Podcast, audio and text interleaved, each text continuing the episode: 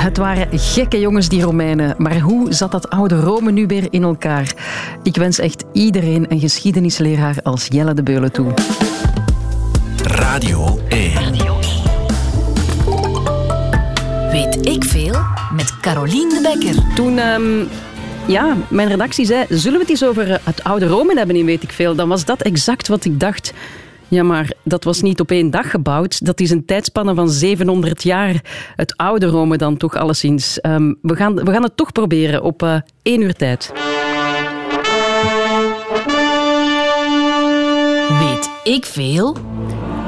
Enfin, oké, we hebben een beetje gefoefeld, want die 700 jaar, Jelle de Beulen, daar gaan we we gaan dat niet helemaal vertellen. Je hebt er een, een, een, stukje uitgeknipt uit die 700 jaar. Ja, 700 jaar is toch iets te veel, denk ik. En ik, ken, ook, ik, ken, ik ken ook niet volledig die 700 jaar, dat is ook bijna onmogelijk, denk ik. Mijn eh, interesse gaat vooral uit naar de eerste 100 jaar voor Christus en de volgende 150 jaar. Dus dat, is, ook, dat is nog steeds veel, maar uh, uh, dat is al iets behapbaarder. En als we dan toch nog moeten verengen, dan laat ons zeggen het, eh, de overgang van de republiek naar het principaat. Ik ga proberen een klein beetje duiden. Eigenlijk het moment dat eigenlijk het keizerrijk werd uh, ingesteld. Het moment dat de keizer de macht namen uh, ten voordele van de, van de Senaat, zeg maar. Ja, oké. En dat, dat speelde zich ergens in die 200 jaar af.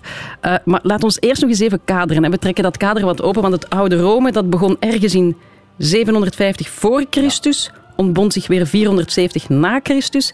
En dat begon met een heel klein vlekje in Italië, Rome dus. Hoe groot is dat uiteindelijk geworden? Dat is eigenlijk, uh, dat heeft uh, volledig, laten we zeggen, van ergens het midden van Nederland tot uh, diep in, in Irak uh, heel de Middellandse Zee, ze noemden het ook onze zee, Mare Nostrum. Was gewoon, dat moest geen naam hebben, dat is onze zee, want wij zitten volledig rond die zee. En eigenlijk alle landen daar uh, rond Noord-Afrika, uh, Azië en een groot stuk van Europa. Ja, oké. Okay. Maar wij gaan dus die tijdspannen van 200 jaar, waarin dat, dat het keizerrijk is geïnstalleerd. Hè. Maar mijn vraag, hoeveel Latijnse uitspraken ga je de komende, het komende uur gebruiken? Um, ja, ik heb al Mare Nostrum gezegd. en ik had mij, mezelf voorgenomen om het niet te doen, omdat dat een klein beetje pedant is. Ik wil niemand uh, met de vinger wijzen die het wel doet. Ik vind dat een klein beetje pedant. Om, uh, dus als ik het per ongeluk doe, mijn pedanterie, dan zal ik het proberen vertalen en Maar dat mag, en Dat mag en elke keer als je het doet, dan doe ik dit. Oké, okay, ja, het gaat mij, mezelf niet eens opvallen. We zullen zien. Dat is goed, want je hebt ook Latijn gestudeerd en je was altijd al gefascineerd door geschiedenis, hè? Ja, van, uh, ik ben eigenlijk geïnteresseerd in elke periode in de geschiedenis, maar de Romeinen is dan ja, voorbij de interesse, dat is eigenlijk een soort obsessie uh, geworden. Um, dat was niet van tijdens de lessen Latijn. Ik vond dat wel heel plezant en, en die teksten vertalen en die cultuur leren kennen. Maar het is eigenlijk gekomen uh, door de HBO-reeks Rome. Ja.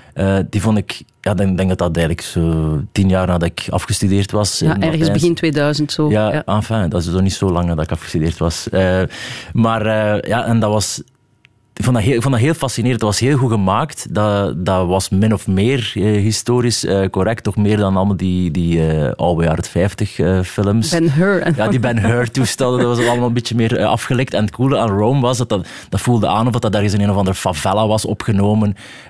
dat was al een beetje groezelig, een beetje vuil. Ja, veel seks zat daar ook in. Dus ja, op die leeftijd, en nog steeds hoor, sprak, mij dat, sprak mij dat wel aan. En dan ben ik zo beginnen boeken lezen. En ja, dat gaat, Rome gaat ook effectief over die periode, over het einde van van de, van de Republiek. En dan ben ik daar meer en meer boeken over beginnen lezen en echt stilaan geobsedeerd uh, doorgeraakt. Ja, je hebt zelfs Playmobil-mannetjes uh, van de Romeinen gehad. Was dat dan vroeger of, of rond die periode nog? Wel, de gehad. Het is eigenlijk, ik heb... Je hebt ze? Moest man bij het hond nog bestaan, dan ze van mij zo'n free kunnen maken. Dan komen ze bij mij thuis, honderden boeken over Rome. En, en dan kon je je Romeinse helmen tonen, want die heb je zelf ook gemaakt. Ja, en, laten maken eigenlijk. Ik heb een, een, eh, Koen de Porter, een goede vriend van Eveneffecten, die heeft voor mij een piepschuim, een soort van uh, latex ding Romeinse helm gemaakt voor mijn verjaardag. Dus als mensen nu dat soort cadeaus beginnen geven, dan weet je wat freak dat je bent natuurlijk. Ja, maar je vindt het zo fascinerend, omdat je, uh, je zegt ook, het is een van de meest tastbare vormen van geschiedenis die we hebben. Wat, wat bedoel je daarmee? Wat, waarom is het, is het zo uh, makkelijk te achterhalen wat daar gebeurd is? Ja, er is altijd natuurlijk dingen die je niet weet, maar ja, je, je zit in Europa en in België ook. Uh, je, kunt van alle, je kunt van alle restauranten gaan bekijken, je kunt naar musea, potten en pannen gaan bekijken. En overal waar dat je reist in Europa ga je wel ergens een of andere steen onder de grond vinden. Een of ander fundament van een of andere tempel of een forum. forum een, een marktplein, laten we ja. zeggen. Ting. Ehm, ja, en het ding is, die, die specifieke periode in de geschiedenis, er is relatief veel, er is natuurlijk niet alles over bekend, maar er is relatief veel, relatief veel van, uh, van bewaard gebleven, van die teksten. En in die teksten kun je echt de, de, de woorden zelf van de, van de grootste mannen uit de Romeinse Republiek, Cicero en, en Brutus, die kun je gewoon nalezen en bijna een beetje in een psyche kruipen, wat hij bijvoorbeeld van, laten we zeggen, een of andere obscure Noorse koning in 800 na Christus eigenlijk niet, eh, niet kan. En het komt, komt heel dichtbij op een persoonlijk vlak vaak. Ja, want je hebt in het voorgesprek heb je gezegd, je merkt dat in die 2000 jaar tijd de mens eigenlijk weinig veranderd is. Maar ja, natuurlijk, als ik terugkijk, dan denk ik, ja, bloeddorstig, uh, ja, seksueel ook. Misschien is dat, een, een misschien is dat wat de tv-makers ervan gemaakt hebben, maar heel bruut en, en gewelddadig. Ja, wel, de, wat mij fascineert is dat het een heel radicaal andere periode is. Inderdaad, bijvoorbeeld de, die bloedtorst. Maar we hebben dat eigenlijk op een manier ook wel eens. gingen naar gladiatoren eh, gaan kijken, die werden afgeslacht in, het Colosseum. En wij kijken naar ge, uh, gewelddadige films en we lachen er bijna mee. Dus ergens zit die fascinatie er toch nog wel in. Het is iets gecultiveerder. We proberen er zo weinig mogelijk andere mensen mee zeer te doen.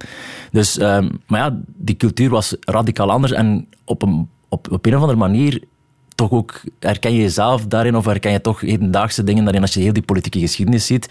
Het komt bijna letterlijk terug soms, die, die, die senatoren en die aristocratie uit die tijd, dat doet een beetje denken aan zo'n soort van maffia-clan uh, uit Italië.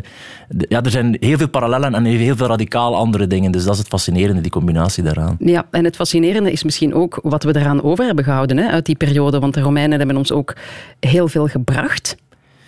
Uh, ja, uh, fascineert. Ja, de kerk eigenlijk, dat is eigenlijk het grootste restant dat er nog een beetje is, die structuur daarvan. Maar het is een beetje een misvatting dat, dat wij daar veel van hebben, uh, hebben overgehouden. Dat heeft eigenlijk... Uh, dat we zeggen, op cultureel niveau of op, in de kunstgeschiedenis is daar, is daar veel van hergebruikt. In de architectuur uh, bijvoorbeeld, of in, of in de schilderkunst. Maar letterlijk cultureel is dat, is dat wel, is Rome gevallen en is dat min of meer gestopt, die culturele overdracht, of die dingen dat we van hen hebben uh, overgehouden. Het is meer de dingen uit de middeleeuwen en, en zelf van de islam uh, dat, dat, onze cultuur gevormd hebben eerder dan dat de, de Romeinen dat zouden gedaan ja, hebben. Ja, is dat zo? Als ik, ja. als ik even naar um, die, die heel bekende passage in Life of Brian, heb je, heb je die mm -hmm. gezien, die film? Uh, dan vraagt uh, uh, ja, John Cleese op een gegeven moment van wat, wat, hebben die Romeinen eigenlijk voor ons gedaan? Je moet eens even luisteren. All right, but apart from the sanitation, the medicine, education, wine, public order, irrigation, roads, a fresh water system and public health, what have the Romans ever done for us? ja, wat hebben die... Oh, peace? Oh, peace! Shut up! Ja, wat hoor ik daar allemaal? Irrigatiesystemen en riolering, uh, um, uh, uh, geneeskunde, ja. educatie, wijn. Wat hebben ze nog allemaal dat zijn toch allemaal ja, het klopt wel, maar vrede? Is, ja, dat hebben ze destijds. Destijds hadden ze dat inderdaad gebracht in Judea bijvoorbeeld, dat soort, dat soort dingen. Uh, maar het is wel, Rome is gevallen en dat is gestopt. En dan zijn de, de Germanen binnengevallen, om het simplistisch te zeggen. En dan uh, hebben die vooral hun cultuur binnengebracht. En is er heel veel van die dingen, de, de, de sanitation zoals ze hier zeggen, de, de riolen die, en de aquaducten, dat stuikt dan allemaal in, dat werd niet meer gebruikt. Later hebben we het herontdekt en, of, of heruitgevonden allemaal. En de geneeskunde ook. De geneeskunde die zij hadden is opnieuw uitgevonden, maar er is geen rechtstreekse, geen rechtstreekse link met de Romeinen. Het is een beetje een theoretische discussie, ik geef het toe. Weet wat? Ze hebben ons heel veel gebracht. Oké, en daarom is het zo interessant om ze te bestuderen. Je kunt, ja, je kunt de twee kanten benaderen. voilà. Weet ik veel? Ik heb uh, tv-maker Jelle de Beulen in de studio, compleet geobsedeerd door het oude Rome. Ja. Um, we hebben het over de een tijdspanne van 200 jaar, de overgang van republiek naar keizerrijk. Um, Oké okay, Jelle, we, we zitten ongeveer op 100 jaar voor Christus. In de republiek Rome, hoe zag die er toen uit? Uh, de Republiek Rome werd uh, min of meer democratisch uh, bestuurd. De, aan de top stonden twee consuls. Telt als Latijn? Nee, ik heb niet consul, consules gezegd. Dus, nou, doe maar. Ja, Oké. Okay. twee magistraten die elkaar moesten controleren. En die werden een beetje aange, aange, aangevuurd of gecontroleerd door de Senaat. Allemaal oude witte mannen, uiteraard.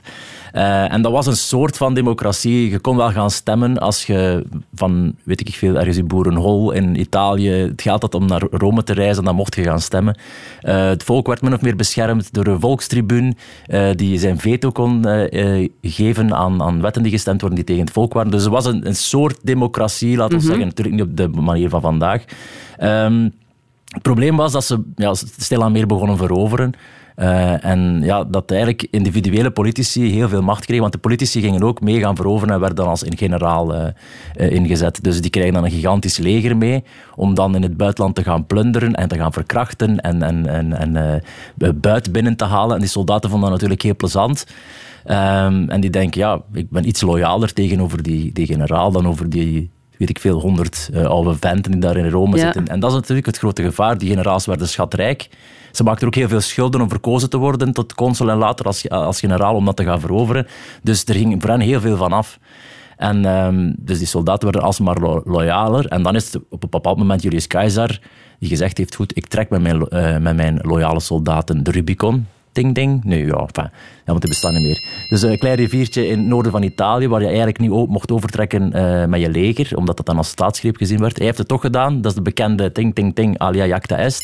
De teerling is geworpen. Hij heeft gewoon beslist van, kijk, ik trek die Rubicon over. Ik uh, val gewoon de Senaat en Rome aan. En hij is uiteindelijk dictator geworden. Ja, hij is dictator geworden, maar um, het, het, kon ook... Het is niet dat het niet anders kon, maar dat kwam natuurlijk allemaal onder spanning te staan. Er waren ook burgeroorlogen die zich begonnen te manifesteren. Ja, die tijd werden er constant de politici tegen elkaar vechten omwille, omwille van die machten. En die, er waren te veel mensen, eh, eigenlijk te weinig mensen die de absolute macht eh, kregen. Had, destijds, eh, in de tijd van Keizer hadden Crassus en, en Pompezi hadden een ting-ting triumviraat eh, ingesteld. Ah, jij wacht, wacht. Ja, sorry. Ja, ja, nee, ik, dacht ik, dat ik, ga ermee stoppen, nee, want het leidt af. Nee, ja. ik dacht dat ik niet zoveel Latijn ging gebruiken. Uh, dus die gewoon de macht onder zichzelf begonnen verdelen en dan onderling op het einde het begonnen, uh, begonnen uit te vechten. Het was niet onvermijdelijk, maar ja, het systeem stond gigantisch onder spanning omdat er zoveel veroverd werd, omdat er zoveel geld binnenkwam en omdat de generaal zo loyaliteit van, uh, van die soldaten verkregen. Ja, en dan gaan we even... Heb je trouwens een film van Julius Caesar gezien in 2002? Als grote obsessor zou je dat toch moeten gezien hebben. Dan spreekt hij op een gegeven moment de Senaat toe. Many of you here today fought against me. Many of you wished me dead. Many of you perhaps still do. Ja, en dat is ook, dat is ook gebeurd. Hè? Ja, absoluut, ja. Door, zijn, door zijn eigen beschermeling, Brutus. Zijn uh, jij ook mijn zoon? Hoe, hoe is het nu weer in het Latijn? uh, et tu brute, maar dan moeten we eigenlijk naar het Grieks gaan. Uh, kai, tu, uh, teknon, maar ik spreek met Grieks gehoord, dat, ik heb een beetje een accent. Het ding was, um, et tu brute, ook jij mijn zoon... Um, Eigenlijk spraken die, de, de elite onder elkaar geen Latijn, maar Grieks. Een uh -huh. beetje zoals 100 jaar geleden dat iedereen Frans sprak, dat stond wat chiquer. Dus waarschijnlijk heeft hij het uitgesproken in, in het Grieks. De et tu brute quote komt eigenlijk uit, uit, uit Shakespeare. Um, ja, maar eigenlijk, hij, hij was een dictator, of hij noemde zichzelf ook uh, dictator, maar, maar de Romeinse elite pikte dat natuurlijk niet. En dat heeft hem ook uh, het hoofd gekost. Ja, um, het ding is dat de, de Romeinen haten monarchie en elke vorm van dictatuur. De republiek is eigenlijk begonnen op het moment dat ze hun laatste koning hebben buitengezwierd. En dan mm -hmm. hebben ze gezegd, we zijn tegen de monarchie. En dan hebben ze dat systeem ingesteld, zoals ik dat min of meer heb uitgelegd, met die consuls en, en de senaat. En ze, ze hadden een hart, hartsgrondige ekel tegen, uh, tegenover uh, elke vorm van monarchie. Natuurlijk, dat is een beetje een, een, een nu wil ik contradictio in terminis zeggen. Dat is een beetje een tegenstelling. ik doe het gewoon echt wel. Hè. Ja, doe beetje... het gewoon. Ik nee, ga niet nee, meer nee, bellen. Voilà, uh, het is een beetje een, een, een, een schijnbare tegenstelling, omdat ieder, al die aristocraten waren zodanig ambitieus. Ze zagen heel veel geld in verkozen te worden. En iedereen, de Romeinse elite wou gewoon altijd aan de top staan en, die, en dat consulschap verwerven en, en de sterkste zijn. Maar ergens werden ze ook altijd neergehaald, omdat je kon maar één jaar consul zijn. En dan werd je naar het buitenland gestuurd. Dus het was een, het was een, er ging een constante spanning tussen die alleenheerschappij en eigenlijk de, de, de, concurrentie tussen al die andere senatoren. Ja, maar op een gegeven moment, uh, Julius Caesar werd uit de weg geruimd. Dan kwam Augustus en dan had je dus wel echt um, de, eerste, de eerste echte keizer. Want we, we evolueerden naar een keizerrijk. Uh, Augustus, was dat dan een echte dictator, kan je het zo noemen?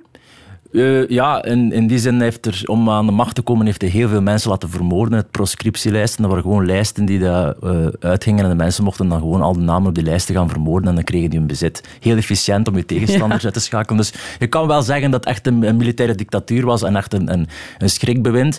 Uh, het enige dat hij slimmer heeft gedaan, ik zei ja, Keizer zijn, zijn, zijn concurrenten hebben hem vermoord, omdat ze, hij, was, hij was niet subtiel. Hij was een dictator en je zou kunnen zeggen hij was de eerste keizer, maar dat was hij eigenlijk niet. Um, maar hij, hij, hij, hij, verkleedde zich dan ook effectief als, als, uh, als koning, bij wijze van spreken. En hij liet het de anderen te veel merken dat hij de macht had. En het slimme van Augustus was, hij had de macht, maar hij liet het de anderen niet merken. Hij zei bijvoorbeeld, ik, kijk, ik ben de eerste onder de gelijken. Ik, ik, ben, ook een, ik ben ook maar een, een, een topsenator, maar ik ben, wel een goeie, maar ik ben net als jullie. En waren heel veel subtiele dingen. eh, bijvoorbeeld, ehm, ik, ik, ik ben, ik ben eh, proconsul van, van Egypte. En dat leek allemaal twee keer niks. Maar tenzij dat je weet dat Egypte de belangrijkste graanvoorraad van, van Rome had. Dus dat op heel, die, die dingen, dat, dat vetorecht, dat is zichzelf ook toegeëigend. Maar er waren allemaal hele oude republikeinse eh, magistraatsambten die zichzelf had toegeëigend. Maar als je die allemaal optelde, kreeg je natuurlijk de macht van een dictator. Alleen het leek dat het op de, op de traditionele manier was. Ja. Ik ben een keer consul, ik ben een keer tribuun, dat soort dingen. Maar hij, hij, wreef, het, hij wreef het er niet in. Dat was het eigenlijk het, het grootste, grootste slimmigheid van, eh, van Augustus. Ja, oké, maar brang- bracht het ook wel rust in dat imperium? Om, om één man aan de macht te hebben die, die dan Ja, ja, uiteindelijk wel dictator was. Maar je zou kunnen zeggen dat, dat na 100 jaar burgeroorlog de mensen het ook gewoon beu waren. En eh, Augustus heeft de Pax Romana, dus de Romeinse vrede, gebracht eh, over, zijn, over zijn rijk. Eh, en de mensen, ik denk dat ze het gewoon beu waren en dat uiteindelijk het systeem min of meer efficiënt bleek te zijn en dat ze het gewoon hebben toegelaten. Oké. Ja, ik, ik wou het niet zeggen, maar ik, ik ga het toch doen. Het, het, het waren gekke jongens, die Romeinen. Eh, met momenten wel, ja. Ja, Eh, we gaan ook eens kijken wat die hier in België allemaal zijn komen doen. Hè. Ze zijn hier eh, bij ons gepasseerd. Radio 1. All hail Caesar, Emperor of Rome, monarch of the Roman Empire, ruler of the world. Weet ik We veel. hebben het in weet ik veel over het oude Rome, de overgang van de republiek naar, ehm, naar, naar eh, het imperium, eigenlijk naar het keizerrijk. Eh, trouwens, zijn mensen die heel blij worden van dit lesje geschiedenis, eh, Is het waar? Ah, toch? Ja, Ja. ik had al schrik. Nee, nee, nee. Eh, trouwens, je kan ook ehm, eh, de podcast van Weet ik Veel herbeluisteren. Die vind je op de Radio 1-site of via de app. Of via je podcast-app op je smartphone.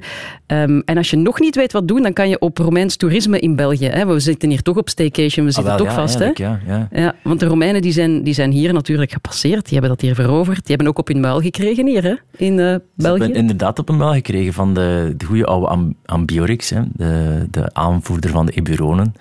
Ehm, Ja, je kan bijvoorbeeld naar Tongeren. Als, je, als je die restanten eens wil gaan bezoeken of, of het gevoel terugkrijgen, ga je daar af en toe eens rondlopen om, eh, met je helm op? Wel, ik moet... niet met ah, je brengt me op een idee. ik, moet, ze- ik moet eerlijk zeggen, mijn, ik ben eigenlijk eh, net een beetje zoals de Romeinen van in Rome vertrokken eh, en dan pas naar, naar België gekomen. Het is pas Ah, op ja. de laatste jaren dat ik effectief eh, in België dingen ga bezoeken, wat eigenlijk onnozel is. Maar ik, ik ben al vrij vaak in Rome geweest en, en in Italië, om daar dan de... ja, ja, mijn vrouw kan ervan meespreken. Elke halve steen die je daar kan vinden, gaan, te gaan bekijken als ik op reis ben. En, en dan in het zuiden van Frankrijk en in het zuiden van Spanje. En het is pas eigenlijk de laatste twee jaar dat ik denk van, ah ja, wacht eens, die, die hebben hier ook gezeten en nog niet weinig. Eh, ja, want en- voor die burchten en ruïnes moet je niet alleen naar Italië. Maar laten we eens even naar, naar Tongeren gaan, hè, want daar vind je dan die, die Romeinse omwalling. Ja, ja, ja. Ehm, ja, het standbeeld van Ambiorix natuurlijk. Ehm, Het Alle Romeins Museum, dat is natuurlijk Het Romeins Mu- de ja. topper van, eh, van, van België en van gans die, Ja. van gans die regio. Daar, daar vind je je potten en pannen. Daar en niet alleen potten en pannen, prachtige beelden, mozaïeken, eh, fresco's, al- alles wat je, wat je wil. En, en inderdaad, er is heel dicht bij huis heel veel te vinden. Ik was onlangs eh, voor Radio 1 in het eh, Museum voor eh, Kunst en Geschiedenis in Brussel. Tot mijn grote schande ook nog nooit geweest. Wel eens voor een, geschiedenis, eh, voor een, eh, een tentoonstelling van de Egyptenaren, maar het, het Romeinse deel daar is, is overweldigend. Wij kennen dat gewoon niet. Daar ligt een gigantische, moza- eh, gigantische mozaïek. Er staat een gereconstrueerde zuilengalerij van 10 meter hoog in het hartje van Brussel. En eigenlijk, Ja, Brussel en marketing, daar is nog wat werk Nee, aan. Hè? ja, wel, ja, maar dat is, dat, is, dat is de gescheiden en de Vlamingen denken van oeh, we gaan niet naar Brussel, want we gaan een mes in ons ribben krijgen. Laat staan dat je daar een prachtige tentoonstelling, een prachtige expositie Ja. van de Romeinen kunt zien. Dus ik ben stil aan de Romeinen in, in mijn eigen land aan het ontdekken en nu met de staycation eigenlijk nog meer. Prachtig. Eh, Oké, we kunnen naar Brussel. Ehm, we gaan toch eens even in Tongeren blijven hangen. Hè, want eh, Ambiorix bijvoorbeeld, de koning van de Eburonen. ehm, die, eh, wat, wat is daar precies gebeurd? Kunnen we daar nog eens even induiken? Ehm, want dat was Keizer hè, die daar eh, passeerde. Wel, Julius Keizer was eh, naar, naar, naar België gekomen, bestond nog niet natuurlijk, maar en daar, ja, dus hij, hij- had, hij had le- legioenen gekregen, dus hij was op de punt van zijn macht. Heeft gans Gallië eh, onderworpen. En de Belgen waren, ja, dat zeiden dan, de dapperste van, eh, van alle Galliërs. En er was ook wel iets van, omdat ze hebben eh, twee legioenen van hem over de kling gejaagd. Eh, dus hij moest ook wel zeggen... compleet uitgemoord? Ja, ja, eh, uitgemoord. En dat was ergens in de buurt van Tongeren, maar het is ergens in, eh, waarschijnlijk de Maasvallei. We weten nog niet precies hoe, waar, het, eh, waar het was. En Ambiorix, een beetje op zijn Vlaams misschien, of op zijn Belgisch, of op zijn, hoe dat je het ook wil noemen, gezegd van, ja, je gaat aangevallen worden, niet door ons, eh, dus het is best dat je naar je ander kamp trekt. Eh, ik, we zullen wij u begeleiden door deze smalle vallei. Ze hadden het min of meer moeten zien aankomen. Ja. En dan zijn er twee eh, aanvoerders van de Romeinen. Keizer was dat niet op dat moment. Sabinus en Cotta. En die hebben dan, er zijn discussies overgebleven van hen van ja, dat moeten we wel doen. Of iemand die, de andere die zei, "Goh, misschien beter niet. Ze zijn toch uit het eh, winterkwartier, dus uit, uit, de- uit het kamp waar ze de winter doorbrachten, getrokken om te vluchten naar een ander kamp. En in de vallei, inderdaad, zijn ze afgeslacht door Ja. eh, Ambiorix en de Ja, ze moesten wel, want ze zaten in voedselnood. Ze hadden, zoveel keuze hadden ze niet. op Maar ja, maar in principe konden ze het nog even volhouden, maar ze hadden gewoon schrik. Ja, als, we, als we door gigantische eh horden Galliërs worden, eh, worden overvallen, dan zijn we eraan. Dus kunnen we beter naar een ander winterkamp gaan en Ja. daar eh, wachten op versterking tot als de grote keizer ons komt ont- ont- ontzetten. Ja, die keizer die kwam wel, maar te laat. Die heeft wel wraak genomen. Hè? Die heeft wraak genomen in, zijn, in de Bello Gallico en in, in zijn geschriften over de Gallische oorlog. Schrijft hij dat hij de volledig Eburoonse volk heeft uitgeroeid. We weten niet precies of dat, dat waar is, maar er, ja, het, zal, niet veel gescheeld hebben. De, ze waren toch nogal vrij wraakzuchtig, de Romeinen. En eh Ambiorix is kunnen ontsnappen. Die is waarschijnlijk over de Rijn getrokken naar de Germanen. Dat is zo'n beetje zo... Het, je zou er een perfecte film van kunnen maken en dan Ambiorix op zijn paard met, met vier begeleiders die de Rijn overtrekt. Ja, ik heb er nog nooit een van gezien. Eh, jij zit in de media. Jij, jij bent tv-maker, eh, Jelle. Ik, ik hoor waaien dat er iemand mee bezig is met een film over Ambiorix. Ah, Dus ja. ik heb een kromme neus en ik ben klein. Ik wil een Romein spelen. Voilà, bij deze oproep gelanceerd. Dat is goed. Ja, ook Keulen hè, was een heel belangrijke stad. eh, niet zo ver van ons. Nee, nee. Ik vind dat nu persoonlijk echt geen mooie stad. Maar als je daar wil op eh, Romeins toerisme gaan, dan kan je daar toch ook wel terugvinden. Ook daar, dan, ga, dan stap je het station uit en dan kom je bijna aan het dat, Kunsthistorisches Museum. Of Ja, museum juist. Heel der- mooi museum. Ja. Der Reumer rond, uh, weet ik veel. Eh, en daar ben ik ook al geweest. En dan, dan vind je ook altijd ja, gigantische mozaïeken ook. eh, oude graftombes van, van zes meter hoog. Is, er is heel veel te vinden, maar je, Ja. moet, het, ja, je moet het willen vinden natuurlijk. Wat hebben de Romeinen daar eh, te zoeken gehad? Wel, dat was eigenlijk aan de, aan de, aan de grens. Hè. Dus dat was eigenlijk de grens van het Rijk eh, in Germania. Ehm, en daar was een, een legerkamp. En Keulen was Colonia Agrippensis, weet ik veel. Eh, en dat, dat is eigenlijk een kamp. En stilaan komen daar eh, handelaars naartoe. En, en, en, en komen mensen wonen. En dat, dat, wordt dan gewoon een gigantische stad. Ehm, we hebben het er daar straks niet over gehad, want we zijn een beetje blijven hangen bij de aquaducten en de rioleringen ehm, en, en de, de educatie en zo. Maar onze wegen, dat, dat hebben wij toch ook te danken aan de Romeinen? Of mogen we dat ook zo niet bekijken? de er herwegen. Nee, wel, ze, ze waren er wel. Maar, ja, de- ik kan de discussie loslaten, maar ik denk, we hebben de wegen niet per se te danken aan hem. Maar ze waren er wel en ze, zij, zij, hebben, zij hebben zelf veel te danken gehad aan hun eigen wegenstelsel natuurlijk. Zij, alle wegen le- leiden naar Rome, dat klopt ook effectief wel. Zo- het was eigenlijk vooral de manier om het leger overal in Europa eh, te krijgen. En in België heb je ook de, de Via Belgica, dat mag ik ook zo niet noemen, maar ik ga nuances achterwege laten, anders blijven we bezig. Eh, die liep eh, van, ja, van aan Calais tot, tot aan Keulen over, over België, min of meer over de taalgrens ruw gezien. Eigenlijk is dat zo wat de E40, hè?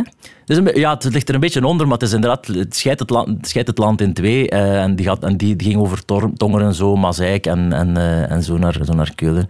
En dat, dat lijkt me ook tof is om die helemaal af te gaan. Ja, er bestaat zo'n boekje, De Romeinse Herwegen, waarop je vanaan Calais, eh Bologne-sur-Mer, tot Ja. helemaal naar Keulen kan gaan en, en in het spoor van die oude Romeinen kan... eh, Voor staycation niet oninteressant misschien. Voilà, het is dat. Ehm, zo dadelijk eh, gaan we verder, want jij zegt, we hebben het nu over geschiedenis. Hè? Waarom is die zo ontzettend belangrijk? En je zegt ook, ja, die is eigenlijk door de jaren heen enorm misbruikt geweest wat de Romeinse geschiedenis betreft.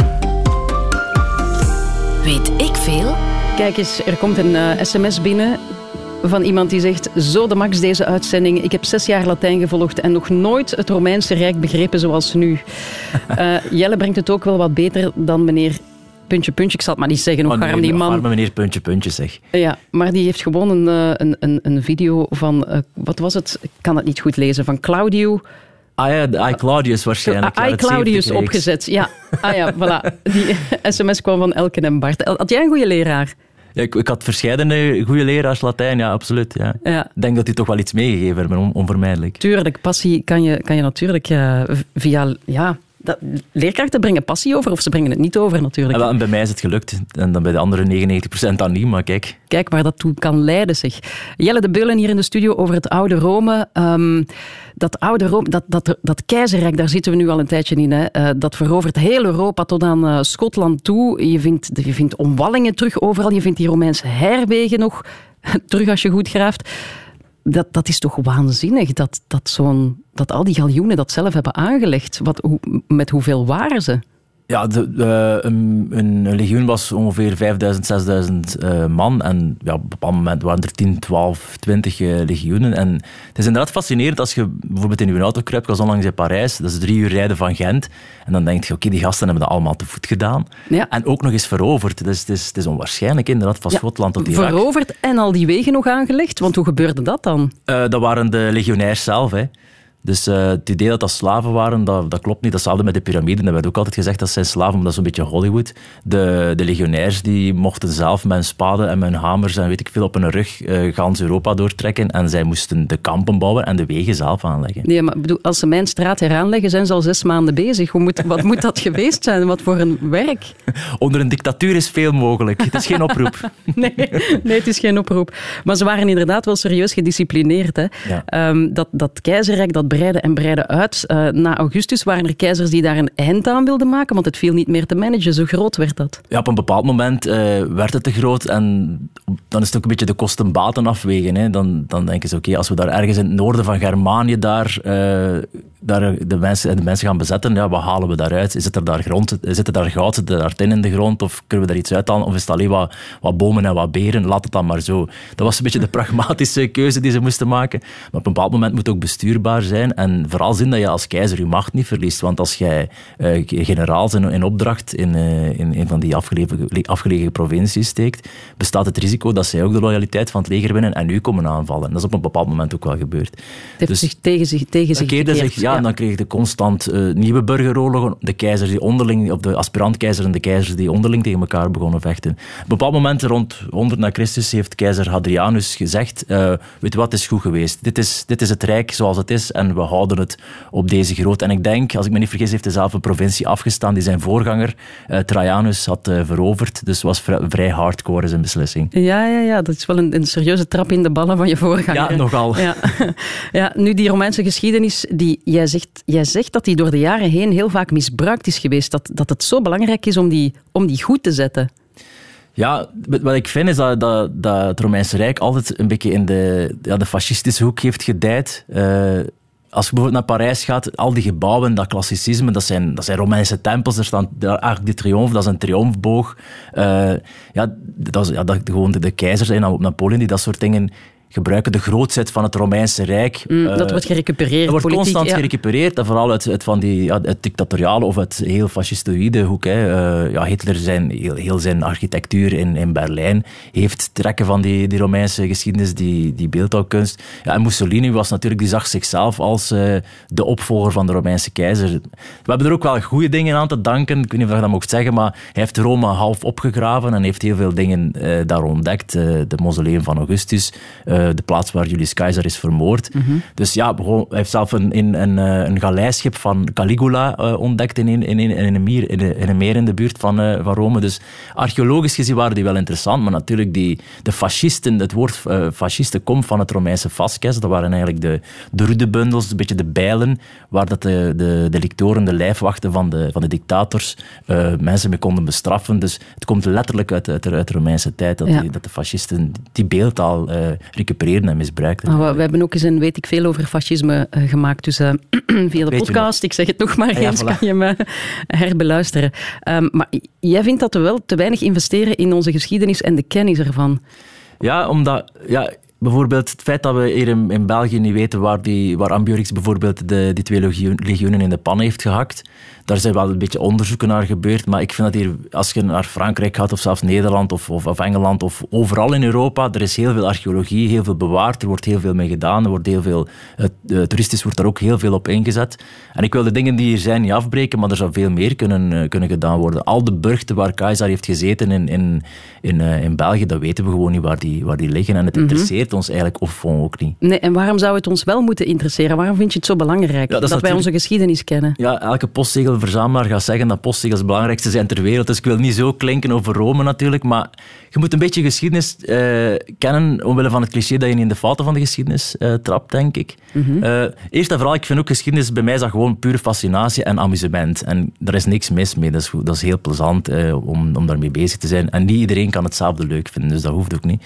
Maar bijvoorbeeld als de politici zeggen van um, hou ze allemaal buiten de migrantenband zijn, zoals de Vandalen of de, of de Germanen die aan de grenzen van Rome staan en uh, die de Romeinse cultuur uh, gaan vernietigen. Ja, dat, dat, soort, dat soort klap. Eigenlijk als je een klein beetje de geschiedenis uh, kent en de nuances daarvan, dan merk je dat dat eigenlijk onzin is uh, wat die zeggen. Je kunt daar uren over doorgaan. Ja, het doet wel iets met je denkkader. Ja, ja. En, en je ziet de geschiedenis ook constant herhalen of je ziet ze aankomen. Ja, maar het ding is bij die... Bij die dat soort simplistische beelden. Mensen denken van, ah ja, inderdaad, de, de, de barbaren aan de grenzen, dat doembeeld. Terwijl dat, dat was in, in werk, dat is niet de reden waarom dat Rome ten onder is gegaan. Maar dat is dat, dat doembeeld dat politici dan recupereren of misbruiken, omdat je daar ongeveer wel iets van gehoord hebt of je hebt daar ergens een beetje een notie van, dat je denkt van, ah dat klopt wel, daar moeten we bang voor zijn. Mm. Terwijl als je een klein beetje over die geschiedenis uh, inleest, dan weet je dat is veel genuanceerder, dat was veel zeg maar pluriformer en, en, en dat liep allemaal mee ja. door elkaar, die, die cultuur. Er was niet één monolithische Romeinse cultuur die werd, die werd uh, bedreigd door, door wat, wat barbaren. Ja, vaak krijg je nu nog één uur geschiedenis per week. Ja, dat... wel. Mijn zoon die gaat naar het middelbaar nu in september en ik zag één uur geschiedenis. Ik, echt, ik zakte echt door de grond. En dat, is, dat, is, dat is ook zo typisch, hè. Dat, is niet, het is niet praktisch. Je hebt geen, wat kun je dan later worden? Leraar dat is niet goed. Hetzelfde met Latijn, je zet daar praktisch niet, niks mee. Als dokter moet het ook niet meer kennen, dus laat het, het is bijna een dode taal, laat het maar uitsterven. Terwijl alles moet niet pragmatisch nut hebben. En dat zo, dat zo jammer, alles wat niet dan geen wiskunde is of, of, of wetenschappen of, of, uh, of harde wetenschappen, dat is, dan, dat is dan secundair, terwijl er is veel meer waarde uit te halen dan je zou denken. Ja, veel meer waarde en ook veel meer... Want de Romeinen, we kijken daar een klein beetje clichématig naar. Ik kom er nog eens even op terug, want uh, als, ik, als ik die serie van Rome bijvoorbeeld zie, of ik, of ik hoor over de Romeinse geschiedenis, dan, um, dan, dan, ja, dan denk ik gewoon aan... Ja, gladiatoren maar, uh, en gekke keizers, dat is het een gek, beetje. Gekke hè? keizers, ze hebben, ze hebben democratie en beschaving gebracht uh, naar ons barbaarse gebieden. Dat. Uh, ja, ah, wel, en dat, dat is ook, dat is, dat is, veel seks, wellust, ja, ja zo'n dingen. Maar dat zijn inderdaad clichébeelden en dat is niet erg dat je die hebt, want hoe zou je, hoe zou je het anders weten? Het is dat je als, als een soort van freak daar constant mee bezig bent, maar uiteindelijk die Keltische beschaving, die was niet, die barbaars, die, hadden, die hebben prachtige prachtige smeedkunst bijvoorbeeld. Die, die hadden ook uh, een, een, politieke structuur die min of meer op sommige plekken democratisch was. Dus dat is niet zo een of andere gek in een berenvel met een knots die dat op de Romeinen inbeukte. dat, dat waren vrij gesofisticeerde beschavingen, die Kelten. Ja. Het is goed dat je dat hier allemaal eens uh, recht zet. Jelle, je gaat mij zo dadelijk moeten ondervragen. Ik zit nu al ja. te zweten. Oei. Ja. Radio 1. Weet ik veel? Ja, mensen zijn heel gelukkig met deze uitzending, lees ik. Dat, is, dat doet mij heel veel plezier. Jou misschien ook, Jelle. wel, ja. ja mens, uh, ik krijg hier de tip om uh, Gladiator nog eens uh, te herbekijken. Vond je dat een goede film? Dat is een goede film als film. Historisch gezien minder, maar geschiedenis is entertainment. Hè. Of kan entertainment zijn. Hè. Ah ja, kijk. Um, nog iemand wordt helemaal... Um, helemaal blij dat die Asterix en, uh, en Obelix nog eens mag gaan opgraven. Ja, ja. Uh, ik kan ook de strip uh, Alex aanraden voor als je meer uh, van het oude Rome wilt te weten komen. Um, maar ook heel wat mensen die van alles hebben teruggevonden van de Romeinen in hun achtertuin. Uh, Marie-Jeanne oh. bijvoorbeeld, die zegt uh, de Romeinen zaten in de nof van mijn schoonfamilie. per toeval ontdekte ik een vaasje. Ma. Um, en de universiteit is dat komen opgraven. in Hofstade zou dat zou dat geweest zijn tegen Mechelen. Uh, Liam die, die heeft het uh, over meerdere muntjes en andere voorwerpen in Kampenhout, waar hij woont. Mm-hmm. Heeft hij ook gevonden, kijk. Nou, tof. Ja, ja. Dat, lijkt me, dat lijkt me geweldig om zo iets op te graven dat effectief die ja, gasten hebben vastgehouden. Heb je nog geen metaaldetector? Ik heb er een en ik heb onlangs mijn, uh, mijn erkenning aangevraagd. G7, ja. Je moet, je moet bij de Vlaamse overheid je erkenning aanvragen. dus ik ben aan het afwachten tot als ik kan beginnen. Oké, okay. prima. Nu wordt het spannend. Beste Jelle, want je gaat mij moeten ondervragen en alle luisteraars ook eens kijken of we goed geluisterd hebben. Klaar voor de quiz? Ja. Daar gaan we. Um, in vijf vragen, go. Eerste vraag. Wie stond er aan het hoofd van het min of meer democratische Rome rond 100 voor Christus? Uh, Julius Caesar. Mm, er Nee. was, hij is pas geboren toen. Hij was toen pas geboren. Welke, was, eh, welke soort eh, leiders? Ah, ja, dat waren eh, senatoren. Ja. Ja? ja, ja. En geleid door de twee... Nee, komt eens goed. Senatoren en consuls. En nog een hoop Nee, ik wil dat je eerlijk bent met mij. Gebuist. Magistraten? Nee, Magistraten? Nee, de consuls eigenlijk, twee Ah, de consuls. en de ja. senaat. Maar, nee, ik vind het goed. Half punt. Allee, goed dan. En toch even Latijn. Eh, keizer Augustus eh, hing aan het begin van zijn bewind, toen hij aan de macht kwam, een proscriptielijst uit. Wat stond daarop? Nee, ik weet niet. Geen idee. Heb jij wel geluisterd? Nee? Nee? Nee? Eh, de, ja, de namen van zijn vijanden die mochten eh, vermoord Ah, worden. ja, natuurlijk. Ah, Ja. Jelle. Echt, ja, Nee, dat is niks, dat is niks. Ik neem het niet persoonlijk. Welke keizer eh, had beslist om de provincie van zijn voorganger af te staan? Oh, dat heb jij gezegd. Ja, ik heb Echt het waar, gezegd. je hebt het net gezegd. Het was super interessant. Ik weet het ik was erbij. Keizer... Ja, ik weet... Ik, nee, ik kom niet meer op die noem naam. gewoon een naam voor de fun. Ja, Augustus. Nee, keizer Hadrianus. Ja, oké, sorry. Ja, het was fout, ja. Dat is niks, dat is niks, dat is Ben je niks. gebuist? Nee, bah, gebuist. Kijk, nee, nee, dat eerst, dat eerst was een half punt, dus je kunt nog net hakken over de sloot. Oké. Vraag 4. Hoe hebben Ambiorix en zijn Eburonen de Romeinen in de pan gehakt? Met welke list? Ehm, ja, in een vallei. In een smalle vallei geleid. Ja, en, ja, en ze hadden eigenlijk gewoon gezegd van je wordt aangevallen. Ja, Dus eh we gaan jullie beschermen gaan jullie en, eh, helpen. en helpen naar een andere... Ja, ja voilà. vol punt, vol punt. 1,5. Kom. Waarom zei keizer alia jacta est, de teerling is geworpen? Ik kreeg, ik kreeg er Ja, gewoon alles hij, goed. hij wist van het is erop of eronder nu. Ik ga waarschijnlijk vermoord worden. Punt, 2,5. op Je bent heel zacht voor mij, Jelle de Oh, is Bullen. Dankjewel. Ik zal deze podcast zelf nog eens herbeluisteren. Is goed. Jelle de Bullen, dankjewel. Met veel plezier. Radio 1. Weet ik veel? Dankjewel om mee de geschiedenis met ons in te duiken. En je kan natuurlijk doorklikken op de andere onderwerpen van Weet ik Veel. Bijvoorbeeld over fascisme.